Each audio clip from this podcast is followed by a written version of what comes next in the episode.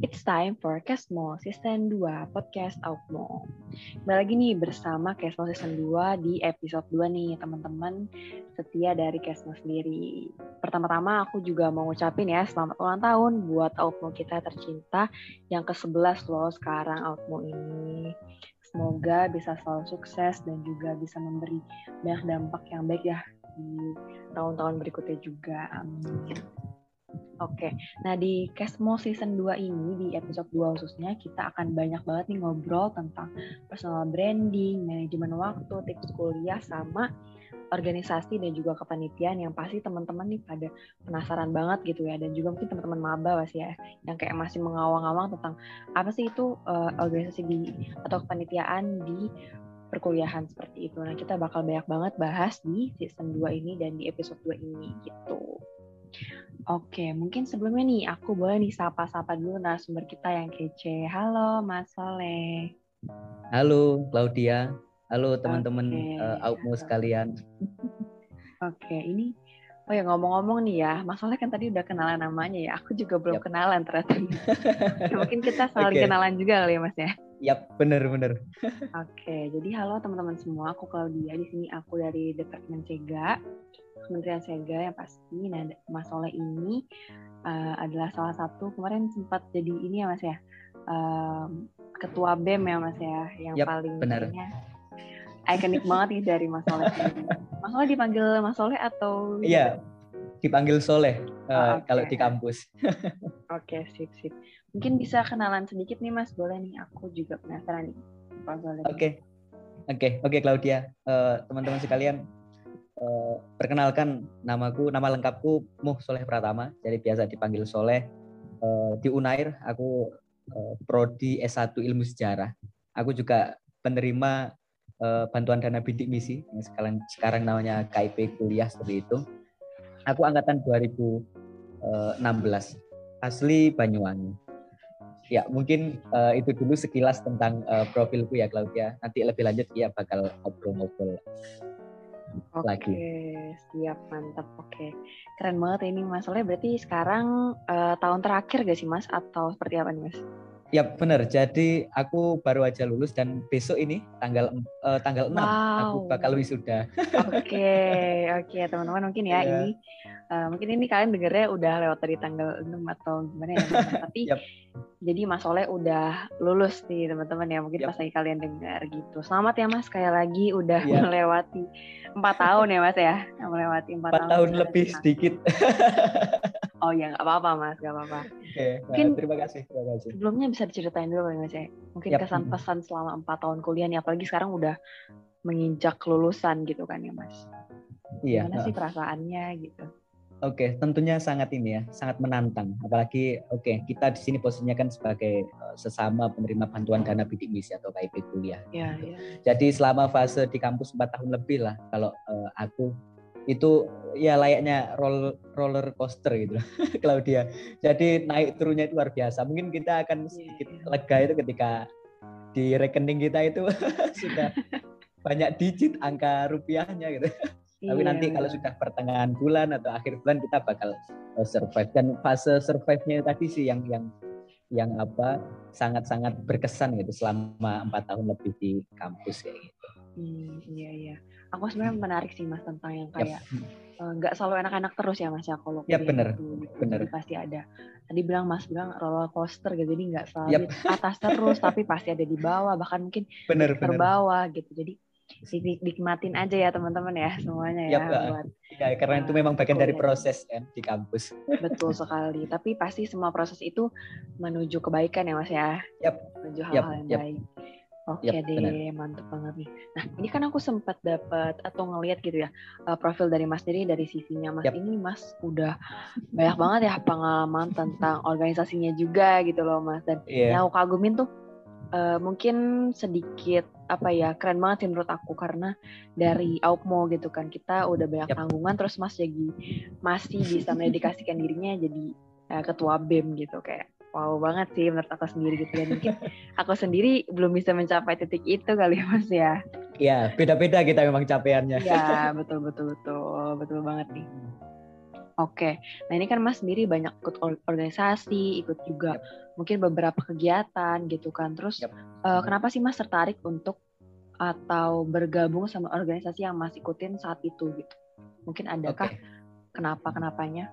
Iya, oke. Okay. Aku mulai sejak uh, mulai dari awal masuk ya kira-kira ya Claudia. Jadi boleh, boleh. mungkin juga untuk teman-teman uh, mahasiswa angkatan 21 ya terutama. Uh, jadi ketika fase awal kuliah kan kita pasti ada ini ya apa, apa ada apa ya patronnya gitu lah ada teladannya itu di kampus siapa lagi kalau bukan kakak tingkat dan di sana nanti kita akan menemui banyak kawan sejawat maupun kakak tingkat itu yang luar biasa jadi mereka memiliki apa ya personal brandingnya masing-masing misal ada yang jadi aktivis ada yang apa suka nulis LKTI kayak gitu prestasi secara akademis kemudian juga ada yang aktif uh, untuk jelajah seluruh Indonesia untuk Pengmas misal kayak gitu itu jadi apa jadi salah satu pendorong uh, untuk apa? Untuk aku ikut organisasi karena apa? Dengan mengikuti organisasi, keterampilan-keterampilan, soft skill, uh, minat bakat kita itu akan dikembangkan di sana. Kira-kira seperti itu sih, Claudia. Oke, berarti ini dari terinspirasi dari cutting-cutting gitu ya Mas? Yep, ya? benar. Ini emang mungkin dulu pas lagi Mas, mungkin Mas oh pernah kayak sharing atau karena apa tuh Mas deket sama Iya, gitu? Iya benar. Jadi kita kan kalau lagi apa namanya baik itu amerta ataupun ospek ya, fakultas, ya. kalau di FIP itu namanya Bradanaya.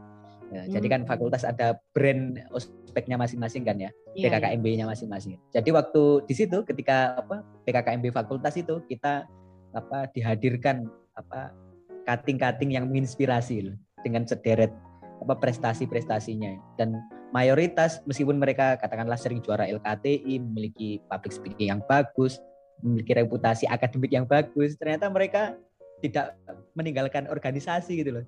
Jadi sangat jarang sekali aku temui itu di eh, FIB bahkan di luar FIB itu yang ketika moncer akademiknya tapi mereka nggak organisasi itu sangat jarang. Jadi mayoritas itu mereka juga apa mengikuti organisasi Oke, jadi emang suasananya pun mendukung gitu ya Mas ya untuk nah, bener. aktif gitu ya. Iya benar. Apalagi kan kita di UNER ini kan difasilitasi banyak ini kan. Iya betul betul. Wadah-wadah organisasi, misal kalau tingkat univ ya ada U, apa UKM, unit kegiatan mahasiswa dengan berbagai apa jenis atau bidang minat bakat kita tinggal pilih di sana kayak gitu. Juga di fakultas, di jurusan pun juga juga ada. Hmm. Jadi sangat lengkap dan kita tinggal milih aja kita cocok yang mana kita minat yang mana kayak gitu sih. betul sekali jadi nggak ada alasan ya mas ini buat teman-teman nih uh, cuman kupu-kupu doang gitu ya boleh benar pulang, pulang benar doang. benar akan sangat sayang sekali sih Claudia aku aja yang tadi mungkin uh, Claudia sebut di apa uh, riwayat hidupku itu banyak ikut uh, kepanitiaan, organisasi kayak gitu dengan prestasi yang ada gitu.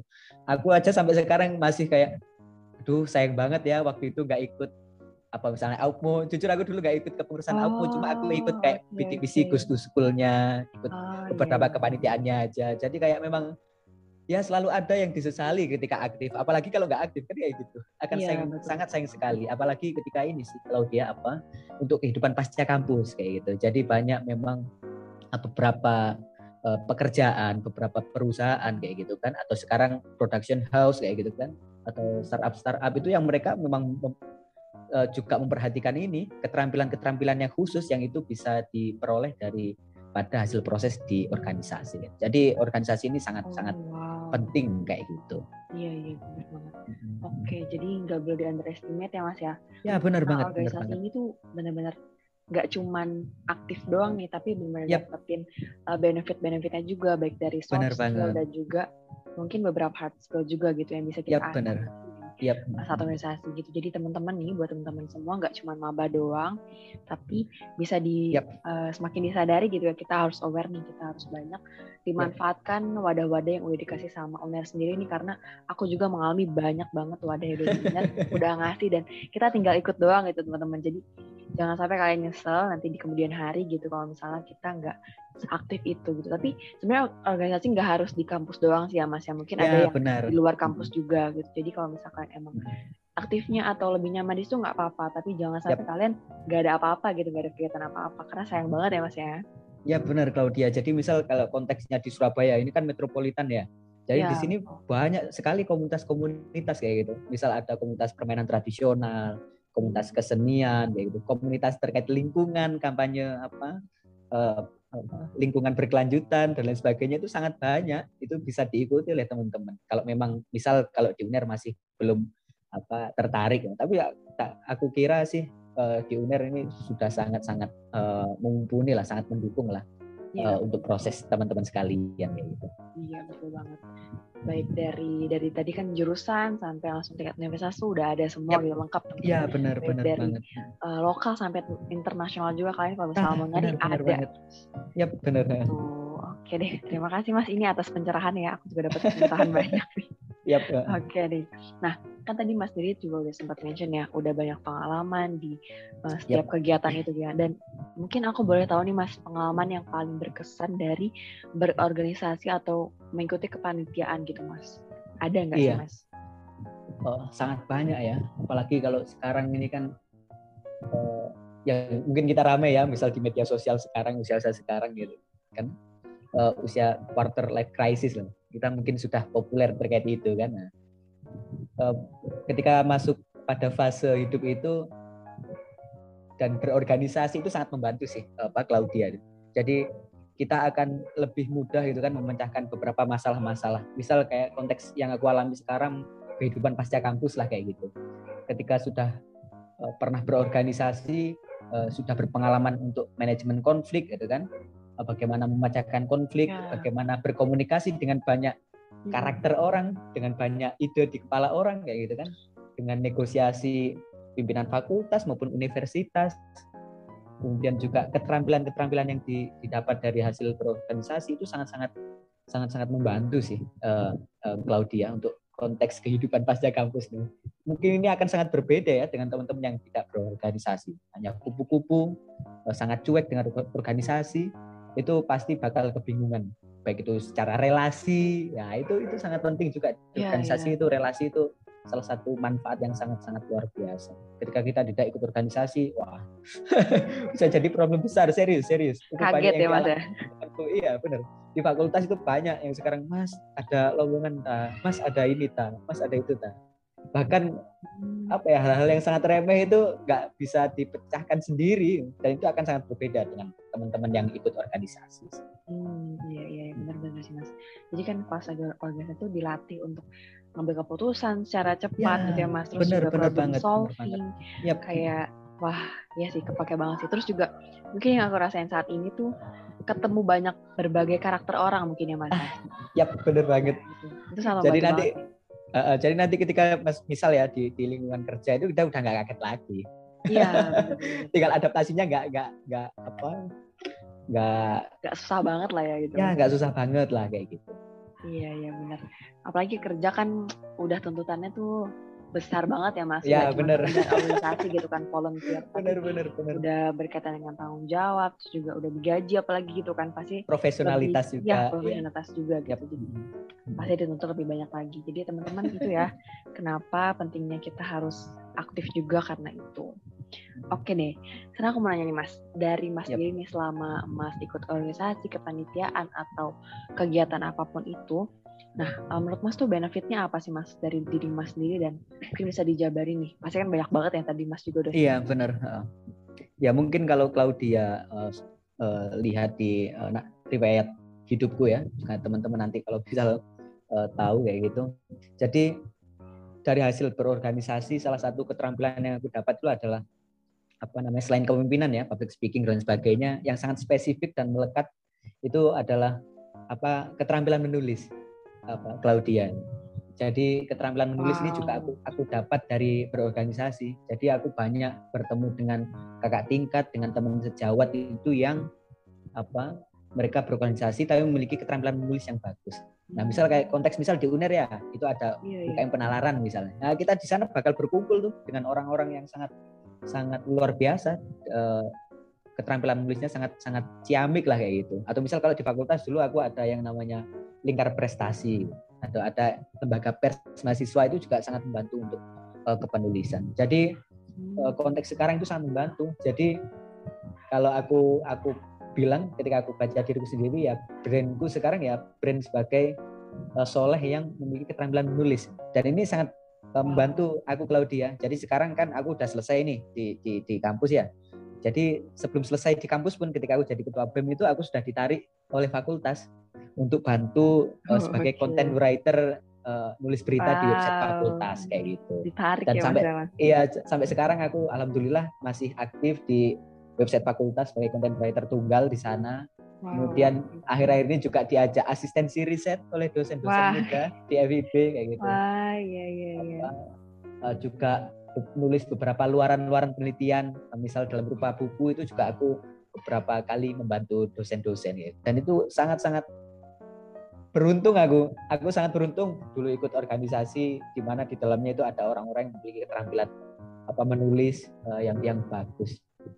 Dan ini sebenarnya akarnya ya eh, Claudia di organisasi ya. itu ketika tadi kita bisa uh, manajemen apa konflik, kita bisa memberikan uh, bisa mengambil keputusan, memberikan solusi atas permasalahan gitu. Di sana nalar kritis ya, nalar kritis kita itu biasa.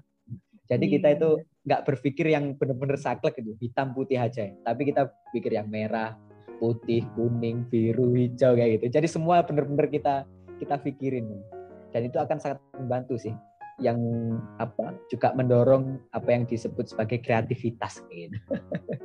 Oke, wow yeah. keren banget ya. Wah, aku jadi terinspirasi banget sih karena jujur aku kalau bagian menulis-nulis tuh masih belum banget ya. Iya. Yeah. Kayaknya aku dan teman-teman di sini harus kita sama-sama belajar ya teman-teman. Ya sebagai insan kampus banyak manfaatnya. Uh, sebagai insan kampus bagaimanapun keterampilan menulis itu harus uh, kita miliki sih Claudia. Kita kan ya, bagaimanapun ya. nanti ketika mau lulus kan ya nulis skripsi. Iya betul, ngebantu banget ya akhir. Iya benar, uh, sangat sangat membantu. Oke, wow. Nah ini kan tadi Mas sempat uh, mention juga ya, kayak personal branding Mas sekarang yep. kayak uh, Mas Soleh yang bisa nulis, Mas Soleh yep. yang pinter nulis, Mas Soleh yang bisa yep. jadi content writer gitu kan. Yep. Dan akhirnya membawa pada sampai dosen-dosen pun um, apa ya kenal gitu, kenal sama Mas tuh yep. yang itu gitu. Jadi akhirnya diajakin yep. buat penelitian gitu. Yep. Nah ini mungkin Mas sendiri pernah apa ya pernah nyangka nggak sih atau bakal uh, bikin personal branding yang kayak gini gitu Aku pengen dikenal yeah. Soleh yang seperti ini gitu atau gimana yeah. Mas? Iya, aku sangat nggak nyangka sama sekali sih Claudia. Jujur aku sejak uh, apa SMP maupun ketika madrasah aliyah dulu ya, waktu SMA kayak gitu, yeah, itu iya. nggak yeah. pernah ikut yang namanya organisasi. Dan kemudian ketika fase kuliah, aku lihat hmm. kating-katingku tadi itu kayak, wah kok kayaknya nggak bisa ini dim-dim terus ya. Gitu. Makanya hmm. ikut organisasi, terus kemudian apa berada pada lingkungan yang sedemikian rupa dengan orang-orang yang memiliki nalar kritis yang bagus, eh, memiliki kreativitas yang bagus, kemampuan menulis yang bagus, akhirnya aku bisa memiliki apa keterampilan ini. Jadi benar-benar nggak nyangka.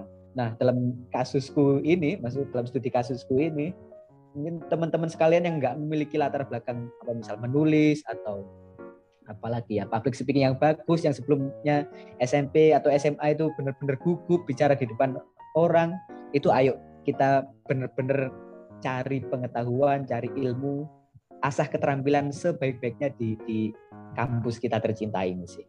Karena benar-benar sangat-sangat membantu apa uh, si organisasi ini, Claudia. Iya betul betul betul. Hmm. Oke deh, ini banyak banget tadi Mas ya bercerita tentang kalau uh, kita tuh harus banyak nyoba gitu ya Mas ya. ya gak, benar, gak cuman satu bidang aja misalnya kayak ya.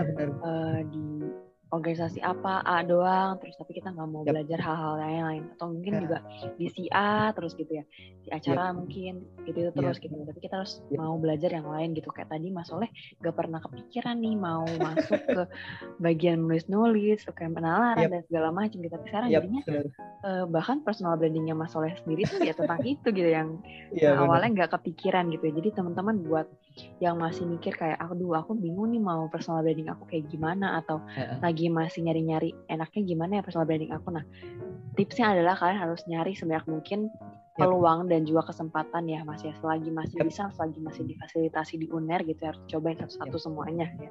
Yep, Biar bener. kenal juga diri kita tuh nyaman sama yang mana gitu ya Mas ya. Nah, bener banget. Jadi apa ya? Rasa penasaran itu harus terus ada. Itu kan modal agar kita betul, betul, terus betul. bersemangat belajar gitu. Iya, iya Mas. Mas sekarang menulis menjadi passion Mas juga ya, Mas? Iya. Ini wow. tadi aku baru baru aja nyelesain naskah tulisan oh, okay. juga. Baru pukul berapa tadi ya Claudia ya? Mungkin Oke. 18.40-an lah baru aku kirim ke dosen. Wah, wow, wow, wow, wow. Keren banget sih. Dan sekarang siang. udah harus inilah ngobrol banget ngobrol lagi nih sama aku dan juga nih. Teman-teman Ya. kalau misalnya mau tahu juga ya, aku kasih spoiler nih, Mas. tuh- Mas Soleh tuh udah beberapa nulis artikel juga ya, Mas ya. Ini kalau Iya. di CV tuh udah banyak juga nih. Ini kayaknya sebagian kecil doang ya, Mas ya. Kayaknya Ya, masih banyak lagi yang lain. Bahkan dari tahun 2017 loh teman-teman ini udah ada artikel. Dan di sini juga ada sampai tahun 2021 jadi masalahnya tuh udah banyak banget guys udah eh, apa ya udah emang bidangnya banget ya di bagian Iya. penulisan gitu. Jadi teman-teman kita harus sama-sama sih belajar nulis. Karena nulis juga penting ya mas ya bener banget eh, Claudia. Iya, aku tambahin ya, tadi lupa. ya boleh boleh tadi kan di awal-awal aku bilang bagaimana eh, kondisi atau proses perjuangan ketika di UNER yang eh, sedemikian rupa ya, sangat dinamis tadi lah. ya ya mas Misal kalau konteks kan kita ya tadi kita ceritakan bahwa ketika apa sudah cair bantuan dananya kita pasti akan sedikit lega. Tapi setelah itu Iya. eh, pertengahan bulan atau akhir bulan itu pasti akan akan sedikit pusing lah iya bagi uang. Nah dari keterampilan yang aku punyai ini, nah dari nulis itu aku bisa dapat honor. wow Nah itu, itu sangat sangat membantu. Jadi dulu itu beberapa kali itu bisa akhirnya bayar kos itu hasil dari apa Wah, nulis kayak gitu. banget Dari hasil-hasil bantu nulis dan itu sangat-sangat luar biasa.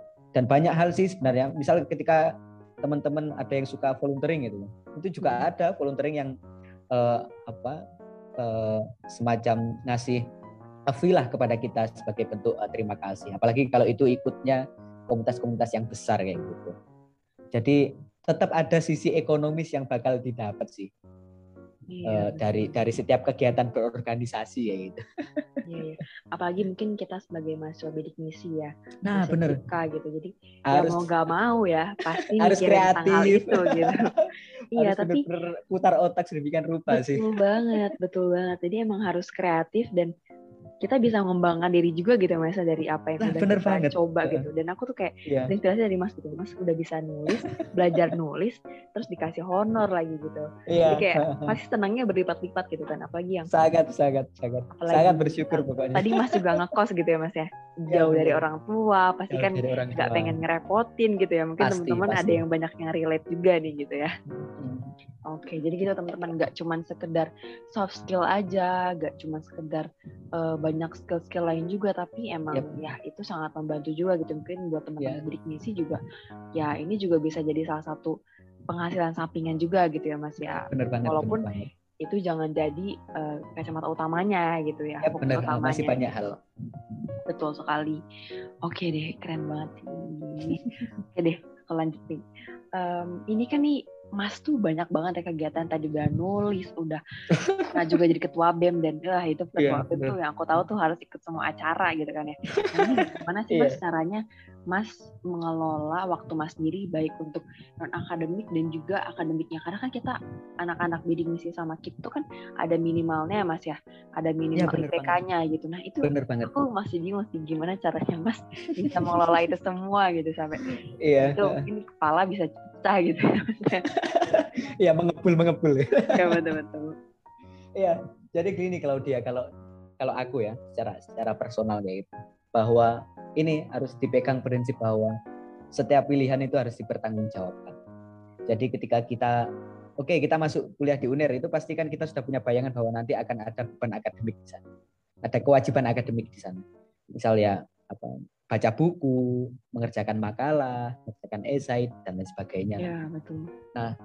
Kemudian ketika kita sudah paham ten- tentang tanggung jawab itu, kita kemudian melirik tanggung jawab yang lain, minat yang lain, organisasi. Di organisasi itu kan juga eh, tanggung jawabnya tak kalah besar gitu kan, amanah lah kayak gitu. Amanah yang nggak kalah besar ya. Misal kayak Claudia seperti malam ini menyempatkan waktu itu kan sangat sangat juga luar biasa sekali ya. Jadi dalam konteks ini yang dipahami bahwa setiap pilihan harus dipertanggungjawabkan. Nah, Ya, ketika kita berani mempertanggungjawabkan itu otomatis kita sudah sadar konsekuensi yang bakal kita terima. ya. Jadi ketika kita sudah berkuliah tapi milih organisasi, pasti kita harus sadar bahwa nanti kita jatah istirahatnya itu Hmm. akan berkurang. Iya, Misal teman-teman yang nggak organisasi jatah istirahatnya eh, lima jam gitu untuk tidur. Kita ya cukup dua tiga jam atau kadang-kadang kayak acara puncak gitu kan, misal kayak hut aukmo Iya, gini iya. banyak acara itu pasti akan berkurang. Bisa begadang seharian nggak nggak apa nggak tidur kayak gitu dan sebagainya. Tapi eh, bagaimanapun setiap usaha setiap proses itu tidak pernah mengkhianati hasil. Jadi ketika kita proses maksimal insya Allah hasilnya maksimal. Nah, kurang lebih seperti itu. Jadi konteks manajemen waktu yang yang aku aku lakukan sih seperti itu. Jadi benar-benar menyadari bahwa oke okay, 24 jam ini nanti sekian jam untuk kuliah sekian jam untuk uh, organisasi. Jadi kayak gitu. Dan untuk membagi keduanya untuk membagi keduanya yang pasti ada skala prioritas. Uh, skala prioritas ini sangat penting. Jadi bagaimanapun di sini aku tekankan uh, Mbak Claudia kepada teman-teman sekalian bahwa oke okay, organisasi itu amanah tapi kuliah itu adalah kewajiban yang harus diutamakan. Bagaimanapun tugas perkuliahan apa kelas-kelas perkuliahan itu harus di, diikuti nggak boleh diabaikan Nanti pun misal posisiku sebagai ketua BEM, pada akhirnya aku harus bolos misalnya. Sorry ini. Tapi kan kita iya, ada iya. jatah kan memang ada tiga, tiga jatah bolos. Sebelum-sebelumnya kalau dia, kan aku sejak maba tuh, ini apa namanya, eh, ikut organisasi, itu aku sangat menghindari yang namanya bolos. Jadi aku iya, iya. selalu sempetin untuk ikut kelas terus. terus. Meskipun ada tanggung jawab organisasi. Dan itu baru aku bolong gitu. baru bolos yang jadi ketua BEM itu. Hmm. Jadi kan harus hadir rapat, menghadiri kegiatan, ketemu dekanat, eh, koordinasi dengan ormawa eh, di fakultas lain dan itu yeah, yeah. apa uh, harus dilakukan kan karena memang posisinya sebagai ketua. Tapi misalnya yeah. kalau iya. posisinya sebagai staff dan sebagainya itu masih bisa ditinggalkan, masih bisa diwakili oleh temannya, masih diwakili oleh misalnya kepala departemen atau menterinya kayak gitu. Jadi sadar posisi dan sadar tanggung jawab itu nanti bakal uh, mempermudah untuk mengklasifikasikan apa namanya skala prioritasnya gitu. Oke. Kira-kira kayak gitu. Iya ya. Wah keren banget ini ya teman-teman. Ini jadi ya tips yeah. and trick dari uh, ketua BEM sendiri nih teman-teman caranya yeah. ya. Gimana caranya untuk mengelola waktunya. Aku dapat tuh yang pertama yang penting banget itu adalah kita harus menyadari tanggung jawab kita dan tahu konsekuensinya juga ketika kita udah memilih suatu hal gitu ya mas ya. Yep, Jadi baik itu organisasi mau kita kuliah di UNER itu pasti ada konsekuensinya yang harus kita nah. sadari gitu. Kita yep. kuliah ya untuk belajar, untuk berkuliah gitu dan kita yep. berorganisasi juga punya tanggung jawabnya gitu ya. Kita sebagai A, B, C kita harus menyadari tanggung jawab kita dan juga kita harus menjalani itu gitu kan. Nah, yep. uh, itu seninya gimana caranya kita mengatur waktu kita juga gitu ya dan juga tadi aku sempat uh, ngena juga mungkin tertampar juga teman eh, teman-teman juga mas. Kalau uh, kita nih yang udah ikut organisasi udah ikut ABC segala macam sampai Z ya emang harus ada yang dikorbankan gitu ya mas ya yep.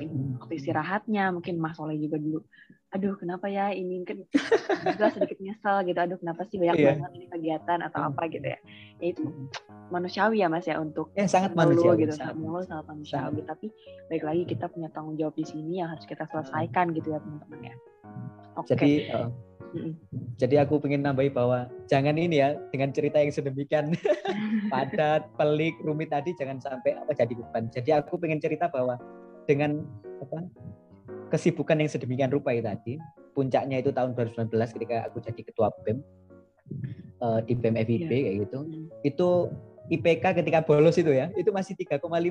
Wow. Wow. Serius. Jadi bener-bener kalau dia jadi misal nanti selesai ya sampai tengah malam katakanlah habis kumpul yeah. sama teman-teman rapat pas dan sebagainya. Itu nanti dini hari yang ngerjakan. itu apa namanya? Makalah kelompok teman-teman dini hari. Dan, dan, Iya serius itu itu itu harus harus nah, dilakukan. Iya, iya. Ya itu tadi ada kesadaran bahwa bagaimanapun uh, kuliah itu yang utama. Dan ya nggak, iya. aku nggak nggak nyesel sih pada akhirnya sampai sekarang ya alhamdulillah kan eh, nggak nggak begitu iya. bingung lah uh, pasca pasca kampusnya seperti iya. apa. Banyak juga benefitnya akhirnya dirasain juga ya mas ya. Iya. Oke, jadi gitu teman-teman ya yang kedua itu tadi skala prioritas juga gitu yep. ya harus kita sama-sama udah mulai belajar nih caranya mana sih yang lebih prioritas saat ini gitu. Yap.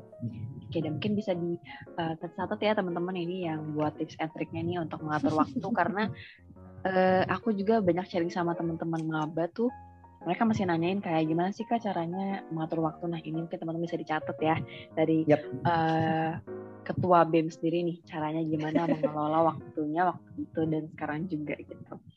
Yep. Oke nih.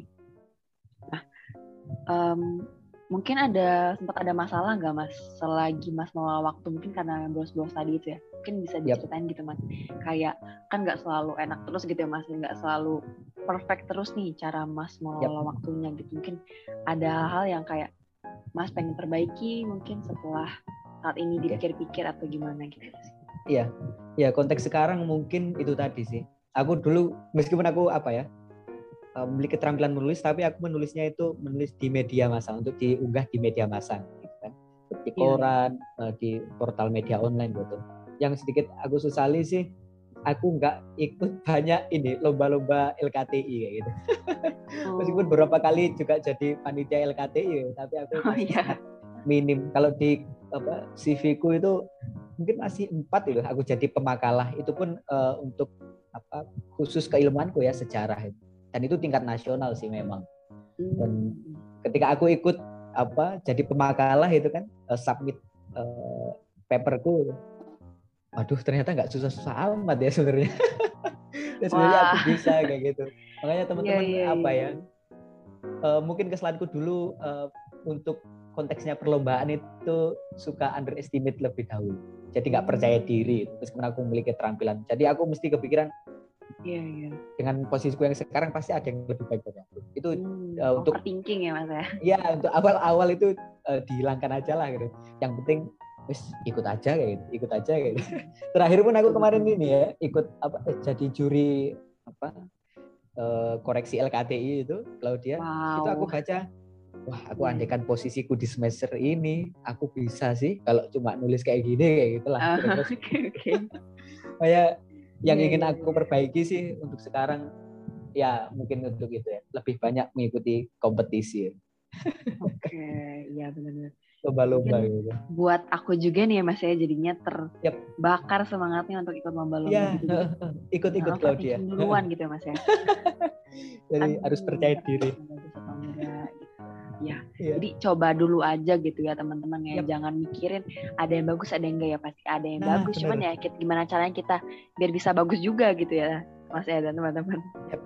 Benar-benar. Oke okay deh, thank you Mas atas pencerahannya kembali ya tentang yeah. kita. Ayo sama-sama kita juga ikut lomba juga nih dengan organisasi aja, tapi ikut juga lomba karena itu juga bisa mengembangkan diri kita juga gitu ke depannya. Yep, benar. Oke nih Mas pertanyaan terakhir nih. Okay. Uh, boleh nggak sih ini kan tadi kita kan judulnya tuh starter pack ya mas, jadi okay. mahasiswa.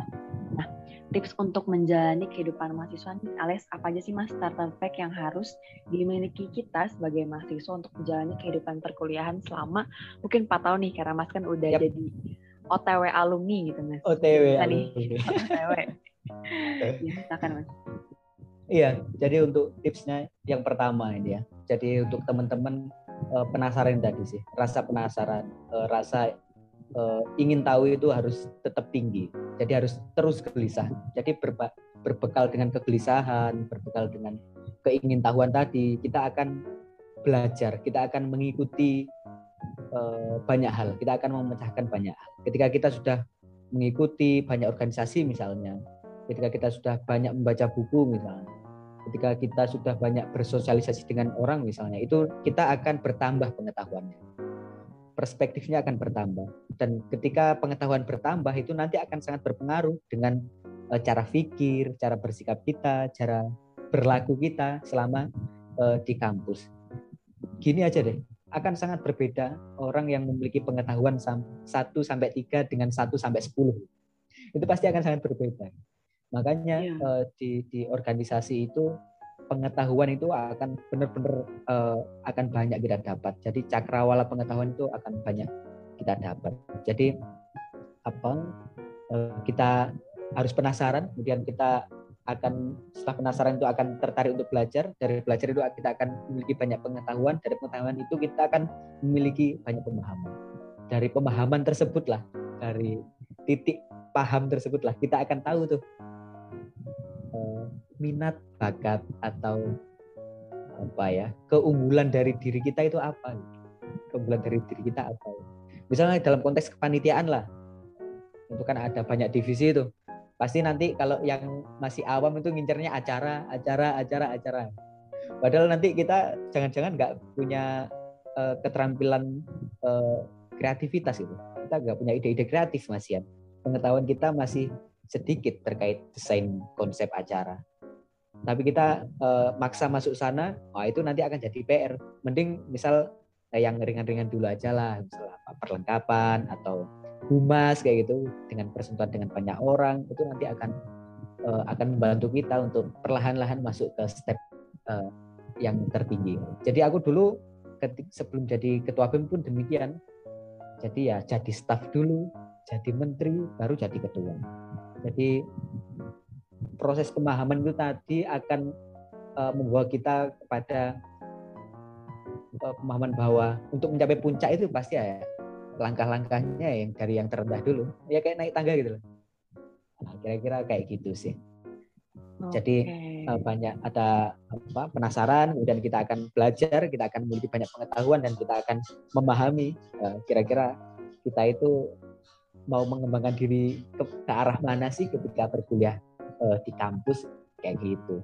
Claudia kira-kira okay, okay. tipsnya dari Wow mantep banget nggak aja sih mas itu udah uh, apa ya kayak daging empuk banget ya ini ya kayak course-nya gitu ya iya yeah. oke okay, mungkin uh, aku simpulin dulu kali mas dari yep, okay. cakapan kita yang sangat berbobot ini dan yeah. sekaligus menginspirasi aku juga sih yang pertama tuh kita harus sama-sama apa meningkatkan rasa ingin tahu kita penasaran kita tuh itu sangat penting gitu teman-teman. Jadi kita sebagai mahasiswa kenapa yang suka dibilang kritis itu karena yep. ya kita harus punya rasa penasaran itu gitu. Kalau kita punya rasa penasaran itu akhirnya kita akan belajar gitu akan cari tahu nih apa sih harus kita uh, tahu gitu. Dan akhirnya kita memiliki pengetahuan dan kita juga akhirnya paham gitu kan apa yang harus kita lakukan, apa yang harus kita yep.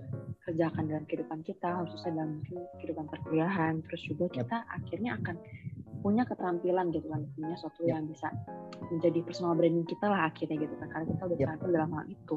Dan akhirnya yep. kita bisa punya passion di situ nah kita ketika kita punya passion ya kita bisa menghidupi itu gitu kan kita bisa nikmati itu dan akhirnya kehidupan perkuliahan kita yang pasti akan menjadi lebih berwarna dan juga berbobot juga ya dan akan membawa yep. manfaat bagi uh, kehidupan kehidupan kita jadi selanjutnya juga di tahun-tahun berikutnya juga gitu. Yep. Oke, mungkin dari banyak hal yang kita bahas tadi tentang manajemen waktu, terus juga tentang sempat ngebahas tentang prioritas juga, terus juga personal branding dan semua tentang perkuliahan ya. Uh, aku mau berterima kasih sama Mas Soleh karena udah menyempatkan waktunya nih. Yap, uh, sama-sama Claudia. Kita pada uh, Kesmo kita yang season 2 dan episode 2 kali ini. Makasih banyak ya Mas Soleh. Terima kasih Claudia dan teman-teman pengurus Aukmu semoga lancar selalu. Sehat-sehat semuanya. Amin, amin, amin. Oke, mungkin sebelum aku tutup nih Mas, boleh dong yep. aku pengen minta wish dari Mas buat Hot Out Money, karena kan kita lagi spesial nih lagi Hot Out Money. Boleh dong? Oke, okay. oke. Okay. Untuk Outmo uh, sebagai rumahku juga ya, selama berkuliah di kampus, aku sangat berharap uh, organisasi ini akan apa, terus eksis dengan program kerja program kerja yang uh, lebih kreatif lagi ke depannya sebenarnya sudah banyak yang keren sih sejak dulu aku mahasiswa baru Aukmo ini dan semoga uh, terus dilanjutkan dan hal-hal yang buruk bisa perlahan-perlahan di, di, direduksi seperti itu. Panjang umur lah buat Aukmu, sehat-sehat buat semuanya. Amin amin. Oke deh, yep. terima kasih banyak Mas atas wishnya yang amin yep. banget untuk dijalankan dan digenapi juga ya. Sama-sama. Hari-hari berikutnya nih. Oke mungkin uh, cukup sekian. Terima kasih banyak Mas Soleh atas yep. waktunya dan udah mau sharing-sharing juga sama aku dan teman-teman dari Kesmo juga. Yep. Sampai ketemu lagi bersama kami Kesmo Season 2 Podcast Outmo bersatu berkarya meraih asa. Sampai jumpa teman-teman. Oke, makasih Mas Alhamdulillah akhirnya ya. Alhamdulillah. Aduh, akhirnya lancar